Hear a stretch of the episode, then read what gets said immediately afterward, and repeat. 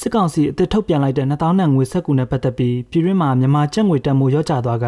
ဒေါ်လာဈေးရွှေဈေးတက်တာအပါအဝင်နိုင်ငံခြားငွေကြေးတချို့အယောင်ပိတ်တဲ့အထိငွေကြေးဖောင်းပွားမှုကြုံနေရပါတယ်။လက်ရှိနိုင်ငံအတွင်းငွေကြေးလက်ပတ်မှုပုံမှန်ခြေနေရောက်နေပြီးဘဏ်တွေမှာငွေကြေးအနှံ့မှုများစွာရှိနေတယ်လို့အာဏာသိမ်းစစ်ကောင်ဆောင်ကဇွန်လ26ရက်ကစီးပွားရေးရာကော်မတီအစည်းအဝေးမှာပြောဆိုလိုက်ပါတယ်။ ဒါပေမဲ့လက်တွေ့မှာတော့စစ်တပ်အာဏာသိမ်းပြီးကတည်းကပြည်သူတွေဟာဗန်စနစ်အပေါ်အယုံကြည်မရှိတော့ဘဲစုငွေအပ်တာထက်မဖြစ်မနေငွေအလွှဲပြောင်းကိစ္စတွေမှာသာဘဏ်ကိုအသုံးပြုတယ်လို့ဘဏ်လုပ်ငန်းအသုံးပြုသူတွေကပြောပါတယ်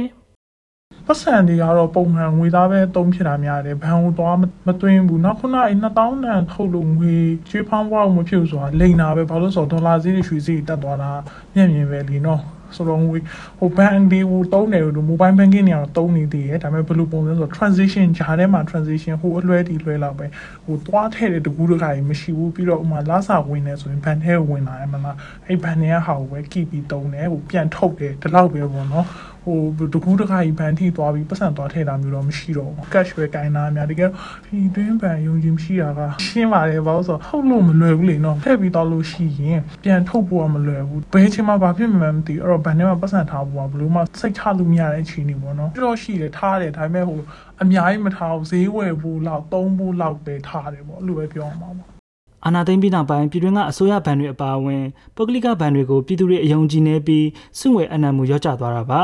စုငွေအတာရောကျသွားတဲ့အတွက်ဘဏ်တွေကလည်းပြည်သူတွေပုံမှန်အငွေတိုးလာအောင်အတိုးနှုန်းမြင့်ပေးတာတွေလှုပ်ဆောင်ခဲ့ပေမဲ့ပြည်သူတွေဘက်ကစိတ်ဝင်စားမှုနည်းပါတယ်ပြည်တွင်းဘဏ်တချို့မှာတော့ငွေသွင်းငွေထုတ်လုပ်ငန်းလက်ပတ်မှုရှိနေပေမဲ့အာဏာမသိမ်းခင်ကလိုဘဏ်မှာငွေပမာဏများများအပ်တာမရှိဘဲလူအများစုကခိုင်မာတဲ့ယင်းနှိမ့်မြုံနယ်မှုကိုပို့လို့လာကြတယ်လို့ရန်ကုန်မြို့ကလုပ်ငန်းရှင်တယောက်ကပြောပါတယ်အော်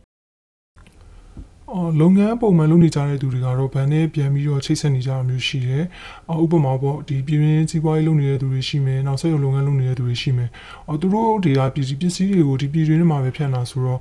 အော်ဘန်ဒီကိုသုံးနေရတော့မယ်ပေါ့နော်အော်ဒီရန်ကုန်မန္တလေးနယ်ဘက်တွေမှာဆိုလို့ရှိရင်လေဒီလိုဘန်ဒီနဲ့ပဲသွားနေကြတာပေါ့နော်နောက်တစ်ခုကတော့ဒီသင်္ဘောသားတွေပေါ့ဟိုသူတို့တွေကဒီလာစာတွေကိုအထက်ကိုလွှဲတဲ့အခါဒီဘန်တူဘန်အချင်းချင်းပဲလွှဲနေကြတယ်နောက်ပြီးတော့ဘန်လုပ်ငန်းတွေမှာဆိုလို့ရှိရင်လည်းဒီငွေသွင်းငွေထုတ်ငွေလွှဲကိစ္စတွေကကြတော့ပမာဏကဒီများများလေးလုပ်နေကြတာမျိုးရှိတယ်ပေါ့နော်အဲ့တော့ဒီ KB တွေသုံးနေကြတယ်ဆိုပေမဲ့လည်းအဲ့ဒါကဟိုဘယ်လိုပဲပြောပြောဒီ KB ကဒီပမာဏအကန့်အသတ်ထားတယ်လေပမာဏတစ်ခုလောက်ထိပဲရတာဆိုတော့ဒီဘန်ကိုကြတော့မဖြစ်မနေသုံးနေရတယ်ဒီဘန်လုပ်ငန်းတွေမှာပဲသွားနေရတာမျိုးရှိအောင်ပေါ့နော်ဟိုဒီလွှဲနေတယ်ဘန်ကနေပဲတွင်းနေတယ်အဲ့လိုမျိုးတွေပဲသွားနေရတယ်ဟိုဒါပေမဲ့ဟိုဘန်စုငွေတွေပါဆိုလို့ရှိရင်တော့အရင်လိုဟိုအများကြီးပေါ့နော်ကြီးကြီးမားမားတွေအပ်တာမျိုးတော့ဟိုမရှိကြတော့တော့ဘူးဘာဖြစ်လဲဆိုတော့တော်တော်များများကအခုဆိုမြေတွေဝယ်တယ်အိမ်တွေဝယ်တယ်ခိုင်မာတဲ့ဒီ properties တွေပေါ့ကိုပဲရင်းနှီးမြှုပ်နှံကြတော့ပေါ့နော်2000နဲ့ထုတ်မယ်လို့ကြေညာပြီးနောက်ပိုင်းနိုင်ငံခြားငွေလဲနှုန်းတွေမြင့်တက်နေပါတယ်။ ဇွန်လ28ရက်နောက်ဆုံးဆင်းရဲအရ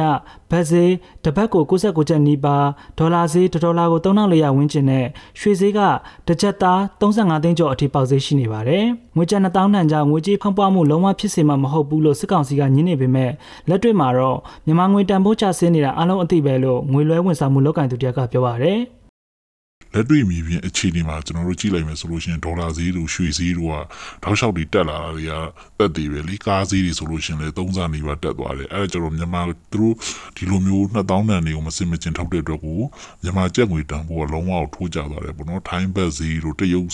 ယွမ်နေဆိုလို့ရှိရင်လည်းအကုန်တက်တာပဲထိုင်းဘတ်ဆိုလို့ရှိရင်အရင်ဆိုလို့ရှိရင်80ဝန်းကျင်နဲ့ငြိမ်းနေတာပေါ့နော်အခုဆိုလို့ရှိရင်90ကျော်100နီးပါးဖြစ်နေပြီအဲ့တော့2000တန်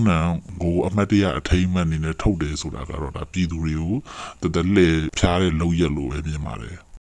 လက်ရှိမှာလည်းစစ်ကောင်စီရဲ့ကျန်တောင်းနဲ့ရိုင်းနှိပ်ထုတ်ဝေမယ်ဆိုတဲ့ကြေညာချက်ခရက်ကြောင့်ငွေကြေးမတည်ငြိမ်မှုတွေဖြစ်ပေါ်ခဲ့ပြီးဒေါ်လာဈေးတွေထပ်မံမြင့်တက်လာတာနဲ့အတူရွှေဈေးအင်ချန်မြေကား73စီဈေးအခြေခံစားတောက်ကုန်နဲ့လူသုံးကုန်ဈေးနှုန်းတွေစေဝါဈေးတွေပါထပ်မံလိုက်ပါမြင့်တက်လာခဲ့ပါတယ်။ စစ်ကောင်စီလက်အောက်ခံဗိုလ်ဘဏ်ကနေရိုင်းနှိပ်ထုတ်ဝေမဲ့2000တန်ငွေဆက်ကူတွေနဲ့ပတ်သက်ပြီးအန်ယူဂျီအမျိုးသားညီညွတ်ရေးအစိုးရကအတိမတ်ပြုမှာမဟုတ်ကြောင်းနဲ့တရားမဝင်အဖြစ်သတ်မှတ်ကြောင်းဇွန်လ29ရက်ကထုတ်ပြန်ထားပါတယ်ကျွန်တော်ဇွဲတစ်ပါ